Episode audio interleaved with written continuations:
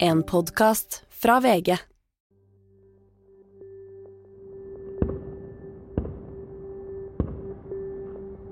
Det er nyttårsaften, og de første rakettene for å feire 2021 popper på himmelen over Oslo. I en stue et sted i byen har en dame som vi kaller Silje, gjort seg klar for kvelden. Med svart kjole og et sølvkjede som hun har fått av ekssamboeren sin. For hun har lagt en plan. For jeg tenkte jeg tar på meg kjedet, sånn at um, han ser at jeg At det betyr noe for meg. Før har det sølvkjedet fått henne til å tenke på eksen, mens han sa han var på hemmelig oppdrag for Etterretningstjenesten.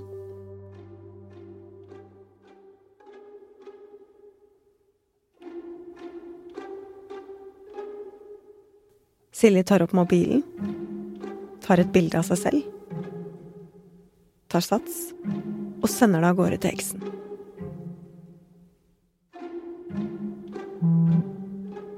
Og da skrev han tilbake til meg 'du er fin'. Og et hjerte.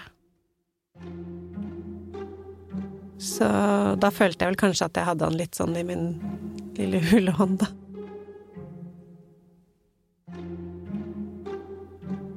Og grunnen til at hun vil ha eksen i sin hule hånd, er fordi meldingen hun har sendt, er ment som en felle. For å stoppe mannen hun var samboer med. En mann som i flere år har satt folk i vanskelige situasjoner og kommet unna med det. Så mye du har pult meg i ræva nå, det kommer jeg til å pule deg i ræva på. Nå kjører du på med det du gjør. Da skal jeg kjøre på med det jeg gjør. Dette er en trussel. Dette er en trussel. Men for å skjønne hva alt dette her egentlig dreier seg om, så skal du få oppleve det sammen med Silje. Så derfor så tar jeg deg med tilbake til 2019. Så kan du høre sjøl, og tenke på hva du ville gjort.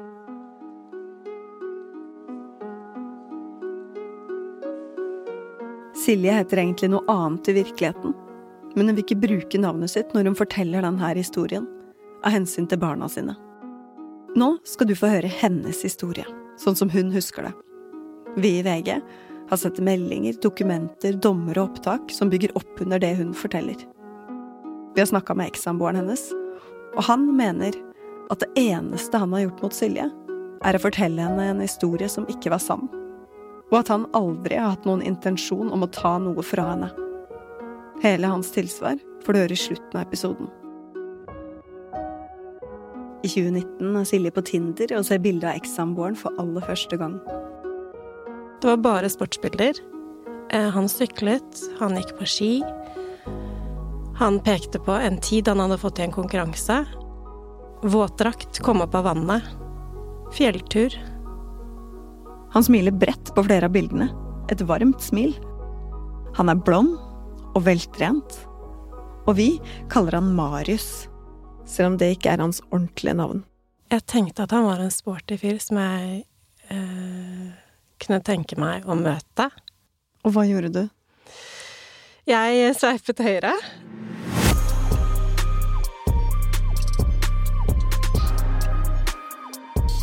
Det første han skriver, er Hei og navnet mitt, og håper du har en fin dag.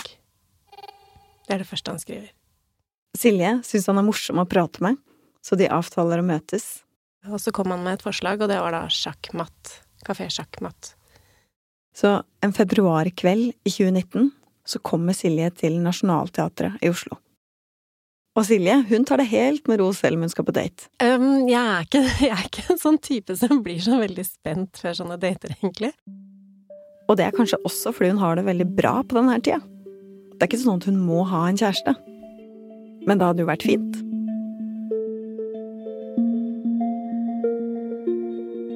Silje går bort til Fontena ved Nationaltheatret, der de har avtalt å møtes.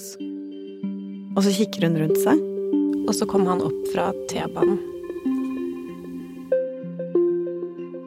Han hadde på seg en uh, mørk jakke, joggesko, også et skjerf i halsen som du knyter en sånn Mette-Marit-knute. Sånn type sånn som var populært før.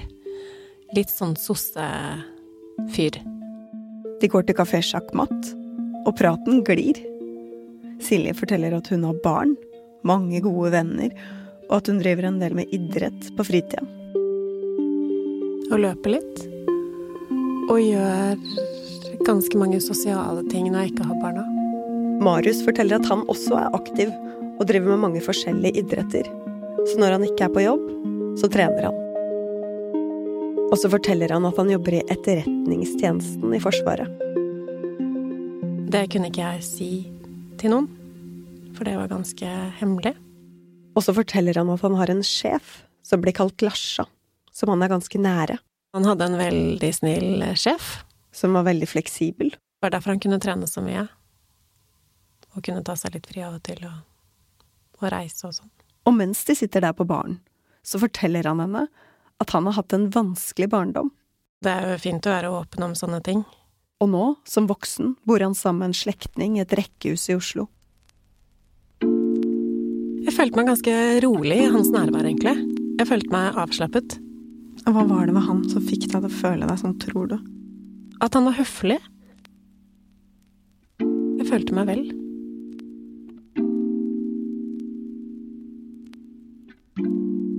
Vi ble jo sittende der veldig lenge. Etter seks timer er det ingen andre igjen i baren. Og da Og da var det vel sånn at vi egentlig ikke hadde lyst til å gå fra hverandre. Så da dro vi hjem til meg.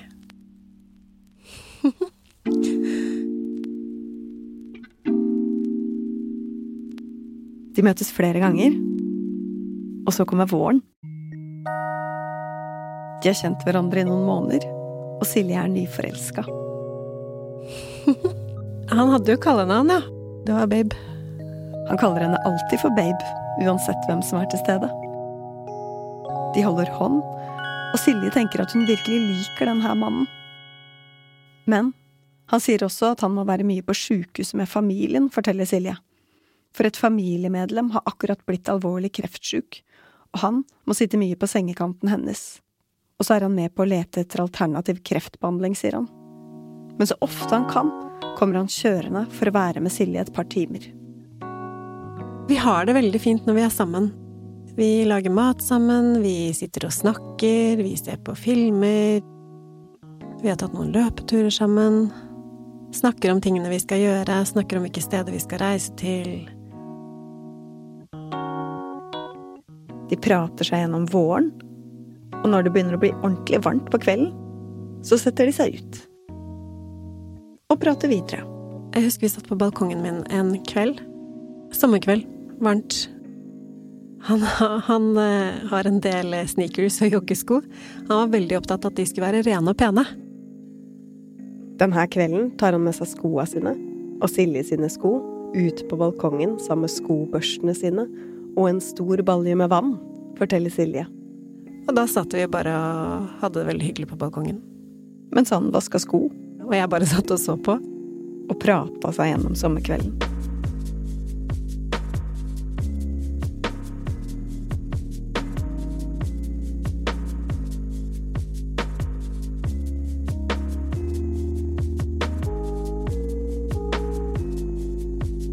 Hun ser ingen tegn til det som skal komme. For nå er alt bare bra.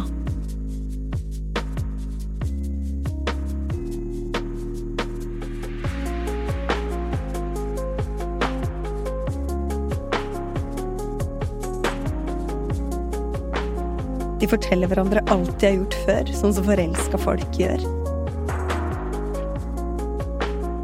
Han forteller at han har jobba for etterretningstjenesten i New York, Cecilie, og de drømmer om å dra dit sammen. Så sier han at han har vært i Afghanistan, forteller Silje, og havna i skuddvekslinger, og at han måtte holde på skuddsåret til en mann for å redde livet hans. Han sier ikke så mye mer om det. Seinere skal Marius si til VG at han aldri har fortalt Silje om at han redda et liv etter en skuddhendelse i Afghanistan. Men så skjer det noe som virkelig skal få fart på forholdet. For rekkehuset Marius bor i, blir plutselig tvangssolgt. For den slektningen han bor med, sliter med pengeproblemer. Og nå har slektningen også tatt opp lån i Marius sitt navn, forteller han. Han må ha funnet bankbrikka hans hjemme i rekkehuset, tror han. Han er kjempefortvila, for han vet ikke helt hva han skal gjøre, hvor han skal bo. Han sier det kommer til å løse seg når han får en arv fra bestemora som nylig er død. Men enn så lenge gjør det situasjonen vanskelig for han. Silje drar og møter han like ved rekkehuset. Og så finner de en ganske fin løsning på problemet. Og da sier jeg det at du kan jo bo hos meg de ukene ikke jeg har barna. Og de ukene Silje har barna, så bor Marius hos sjefen sin Larsa. For Larsa, han er mye hos kjæresten sin. Og Larsa, han vil gjerne hjelpe til, for han kjenner hele historien hans, sier Marius. Og når Marius er der, så får Silje hele tiden meldinger av han. Marius sender bilder av Larsas rosa tallerkener, som han har fått av kjæresten, og gjør narr av ham. Silje drar og henter han utafor leiligheten til sjefen, de ukene han skal bo hos henne. Men ganske raskt så finner de ut at Marius bare skal flytte helt inn til Silje og barna.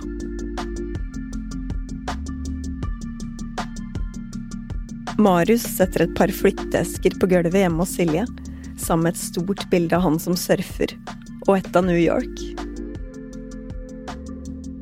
De har kjent hverandre et halvt år, og nå har de blitt samboere. Dette var helt naturlig. Dette var sånn jeg ville ha det. Det er rolig og trygt. De trener og går på jobb, og har det fint. Og den første høsten de bor sammen, så forteller Marius at han må på et oppdrag med jobben. I København, på spaning for Etterretningstjenesten. Etterretningstjenesten er en del av Forsvaret og jobber med å hente inn informasjon om utenriks- og sikkerhets- og forsvarspolitiske forhold. Når han er på jobb øh, i utlandet øh, og blant annet sitter på spaning, så kan ikke jeg ta så mye kontakt med han. Uh, altså, det er jo sånn med meg også på jobben, det er jo ikke alltid jeg kan ta telefonen, og det Sånn er det jo. Han sier ikke så mye om det, jeg spør ikke så mye heller, fordi at jeg vet jo at når du jobber i E-tjenesten, så er det jo hemmelig oppdrag, da. Hvis han er ute på det. Selv om han ikke sier så mye, så får Silje vite hvor han er på oppdrag. Som regel er det København eller Polen. Og når han er ute på oppdrag, så sender han en del meldinger som får vite litt av hva han driver med, selv om det er hemmelig, forteller Silje. Det var liksom tidligskift og sentskift, han var på sentskift, var sikkert ikke ferdig før sånn ett-to-tiden på natta.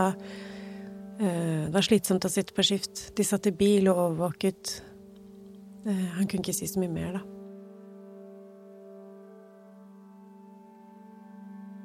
Men så kommer han hjem igjen og det er sin første romjul som samboere.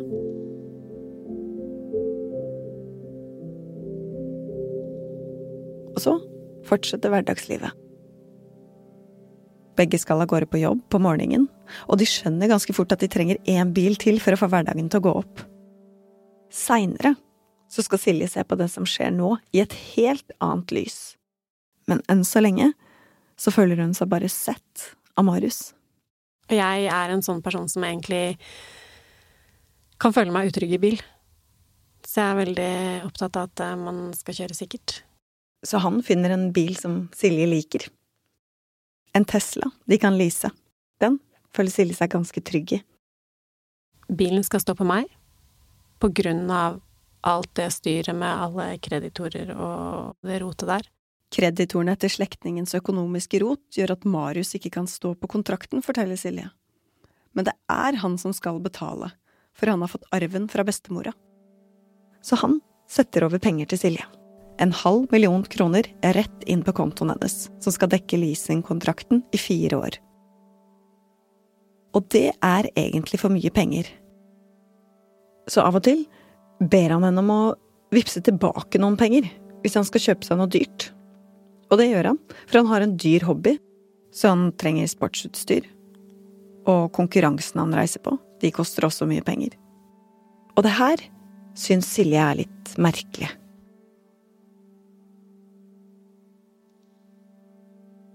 Av og til så spør jeg, men har ikke du akkurat fått lønning? Han svarer at jo, det kommer om et par dager. Det er da jeg begynner å føle at det Hvorfor spør han om det? Um,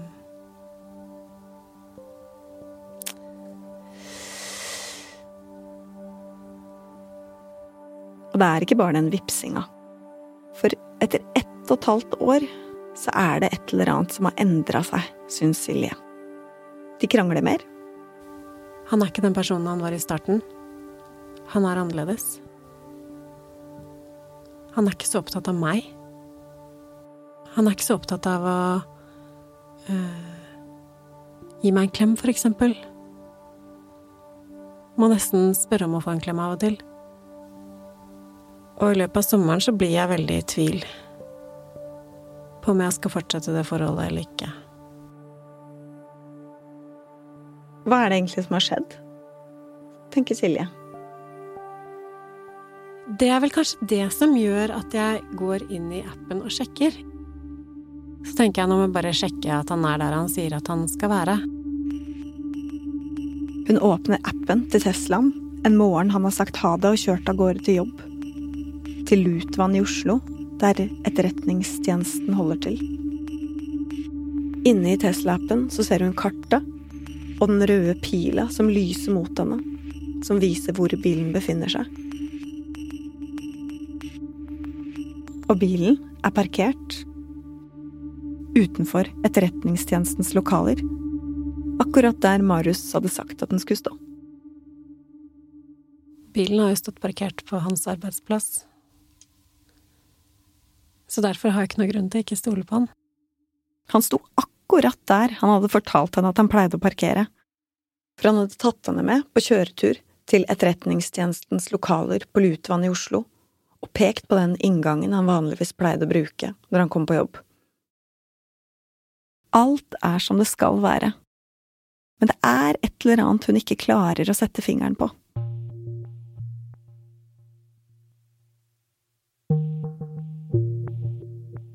En natt så våkner jeg og må på do. Så ser jeg at hans eh, Mac står åpen på spisebordet og lyser. Uten noe passord i det hele tatt. Eh, og det er jo veldig ulikt han, for han er jo alltid veldig beskyttende overfor telefonen sin og iPad og Mac og alt mulig. Og så får jeg et sånt der behov. Jeg er ikke en sånn person som går rundt og sjekker ting til andre, men jeg fikk et sånt bare sånn En sånn trang til å bare sjekke. Og da ser jeg en del meldinger på Mac-en hans. Silje forteller at hun ser navnet til et familiemedlem. Hun stusser litt. For hun kunne ikke huske at Marius hadde fortalt at han hadde møtt det familiemedlemmet den dagen. Også et annet navn hvor, de snakker, hvor det står noe samtale om Det var gøy eh, på uh, den baren vi var på i går. Dette var jo veldig rart. Altså Da sa han at han var sammen med en kollega. Nå virker det som noe helt annet. Men jeg konfronterte han med det eh, dagen etter, og jeg spurte han hvem, hvem er den personen du møtte på den baren, hvem var du sammen med? Og da sier han ja, men det er jo Jeg husker ikke helt navnet, men han sa et guttenavn. Så sa jeg men det stemmer jo ikke. Det, de meldingene, det er et eller annet som Han bare ja, nei, men vi ringer han kompisen nå.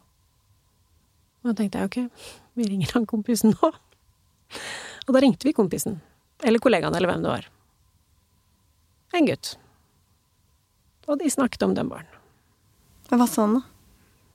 Nei, det som skjedde i går, det var rart, og han kompisen bare ja, ja, det var rare greier og alt mulig. Så da tenkte jeg ja, men da Marius har en logisk forklaring på alt sammen. Familiemedlemmet hadde han møtt den dagen, og den kompisen hadde de jo ringt til. Jeg kan jo ikke gjøre noe annet enn å stole på han. Ja. Det var jo ikke noe som tilsa at jeg kunne ta han på noen ting. Men uh, i løpet av da sommeren og høsten så skrur han av GPS-en Eller skrur han av det på eh, appen, da, så jeg får ikke gått inn og sjekka. Da skal han ut i møter i, som varer i to timer. Um, rundt to timer hver gang. Uh, da vet jeg ikke hvor, hvor han er. Marius sier til oss i VG at han skrudde av GPS-en fordi han ikke stolte på Silje, og han visste at hun satt og fulgte med. Men uansett så er det med GPS-en avgjørende for Silje. Og det er det som leder opp til at jeg ikke har lyst til å være sammen med mer. Og til slutt så får jeg vel egentlig bare nok og tenker at nå, han må ut. Vil ikke være sammen med mer. Og søndag morgen så sa jeg at jeg må ha en pause. Uh, første reaksjonen hans var nå sitter jeg og spiser frokost, og så sier du dette her. Så ja, jeg må ha en pause. Og da blir han ganske fortvila, egentlig.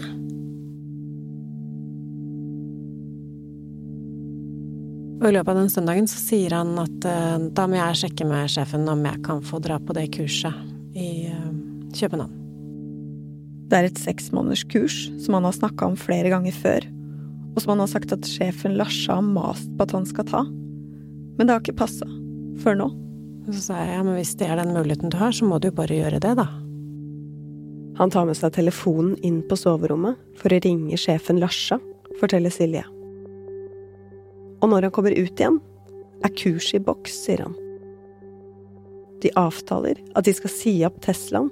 Han skal bare kjøre tingene sine ned til København. Og så kommer han opp igjen med den rett etter nyttår.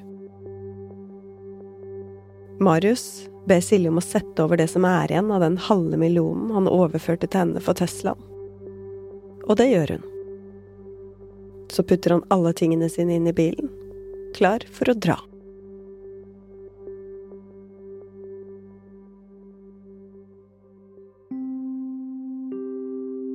Silje og barna er på julegrøt hos søstera til Silje. Det er julelys og grøtlukt, men Silje er der mest fordi at Marius skal pakke tinga sine og dra uten at hun og barna er i huset. Men så sier søstera til Silje noe. Hun har hatt en følelse at det er et eller annet som er litt rart. Uten at hun kan si akkurat hva det er så hun har sjekka skatten til Marius. Og han står oppført med null i inntekt. Jeg, jeg tror jeg er i en sånn tilstand hvor jeg tenker at jeg, han, han, må bare ut. At jeg ikke helt klarer å ta det inn over meg, da. Eh, han skal bare ut. Jeg må bare bort. Det er bare fullt hos meg.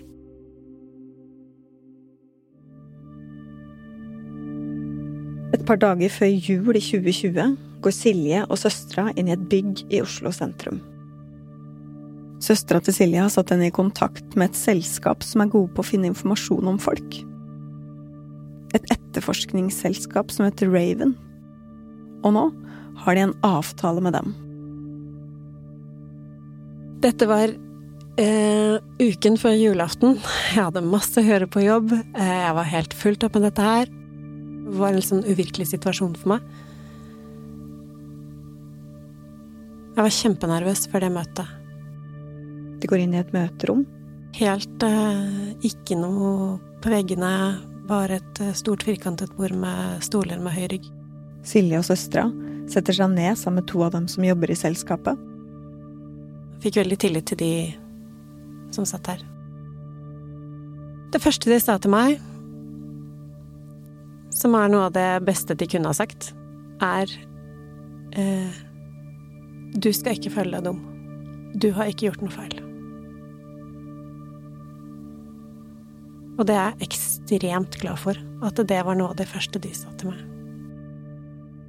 En av dem som jobber i selskapet, er spesialist på bedragerietterforskning. Han hører Silje fortelle om Marius, og han sier at det er flere detaljer rundt det Marius har fortalt om jobben i etterretningstjenesten, som ikke kan stemme. Det er flere småting om hvordan Marius har beskrevet hemmelighold i etterretningstjenesten, Og det at han bare kunne ringe sjefen sin og komme på et kurs på så kort varsel. Det er flere detaljer som gjør at han umulig kan jobbe i etterretningstjenesten, sier de. Alt han har fortalt henne om det, må være løgn. Og det husker jeg at jeg bare satt og gråt. Det var så ubehagelig. Dette var så uvirkelig. Da har jo magefølelsen min stemt, da. At det er noe som ikke stemmer. Marius, som hun har vært kjæreste og samboer med i nesten to år, er ikke den han sier at han har vært. Han jobber ikke i etterretningstjenesten. Men hvorfor har han jugd for henne? Selskapet, som jobber med å hjelpe svindeloffer, ser noe som Silje ikke ser. Og da sier han ene som jobber i det etterforskningsfirmaet, at den bilen må tilbake. Han kan finne på å selge den videre. Så den må tilbake. Han må hjem igjen til Oslo. Avtalen var egentlig at han skulle komme tilbake med Teslaen rett etter nyttår. Men kan hun stole på det nå? Silje tror ikke at Marius ville funnet på å selge bilen videre. Men så viser det seg at hun kjenner han ikke i det hele tatt. Hun aner egentlig ikke hva han kan finne på. Og Teslaen de Lisa er verdt en halv million. Og det er Siljes navn på kontrakten. Det er hun som må betale for hele bilen hvis den skulle forsvinne. Og hun har ikke en halv million. Hvis den blir solgt videre, så er det jo jeg som må betale erstatning for hele bilen. Måtte jeg jo selge huset, rett og slett. Silje er redd for at huset hennes står i fare. Seinere skal Marius si at planen hans var å gi Silje Teslaen tilbake rett etter nyttår. Akkurat sånn som de hadde avtalt. Men at det ble vanskelig fordi båttrafikken mellom Norge og Danmark stoppa opp av korona. Men det Silje finner ut nå, er at Marius har flere dommer på seg. Marius er dømt for å ha bestilt sportsutstyr til seg selv gjennom en jobb han hadde. Han er dømt for å ha stjålet penger fra en safe et annet sted han jobba, for å ha fått penger fra Nav uten å si at han hadde en annen jobb, og for å ha stjålet bensin fra en Esso-stasjon 15 ganger. Han er også dømt til forliksrådet for ikke å ha betalt forskjellige selskaper som han skyldte penger. Det, det, det ble, for, ble mye for meg. Hvor er Marius? Han kan jo ikke være på et kurs i København hvis han ikke har en jobb. Og GPS-en på Teslaen er skrudd av. Men bilen har stått parkert utenfor Etterretningstjenestens lokaler. Og det er der, på Lutvann, Etterretningstjenesten faktisk holder til. Der hvor bilen har stått. Og hun har jo henta han hjemme hos sjefen Larsa flere ganger. Så hvem bor der? Jeg må Jeg må Jeg er nysgjerrig. Silje finner ut hvem som står oppført i leiligheten der sjefen Larsa liksom skal ha bodd. Hun tar opp telefonen og slår et nummer.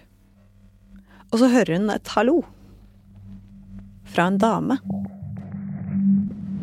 Og så sier jeg hei, jeg heter uh, Du kjenner ikke meg, uh, men uh, jeg er samboer med han. Og da blir det helt stille.